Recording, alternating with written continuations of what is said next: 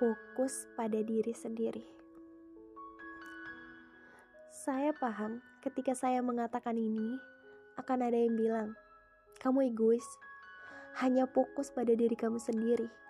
Maka saya akan mengatakan, "Bagaimana saya bisa fokus dengan orang lain kalau saya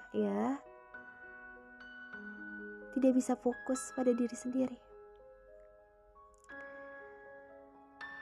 Bertanyalah pada diri kamu sendiri, apa yang sudah bisa kamu lakukan, apa yang harus dipelajari, dan bagaimana yang mestinya diperbaiki.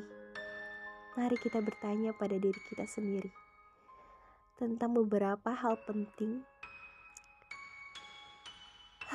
Sudah sampai mana kamu siap untuk merealisasikan cita-cita kamu di 2021? Bisa naik level kerjaan, bisa masuk kampus impian, bisa mandiri, atau bisa jalan-jalan ke luar negeri. Jangan sampai gerasa gerusuh. Mungkin di tahun 2020 kamu gagal. Tapi sudahkah kamu berdamai dengan diri kamu sendiri? Maafkan.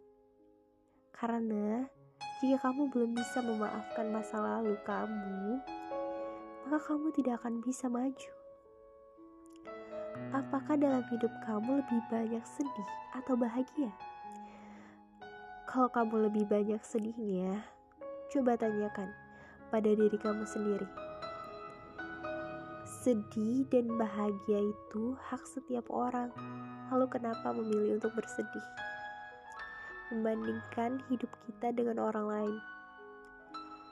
Tidak akan ada habisnya. Coba pikirkan apa saya sudah lebih baik dari di, diri saya yang kemarin? Dan bukan apakah saya sudah beda dari mereka? Daripada kamu sibuk ngerumpi dan kepoin hidup orang lain. Coba deh pikirkan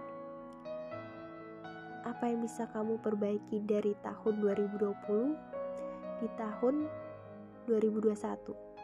Berhenti deh terlalu banyak ngurusin hidup orang lain. Oke, okay?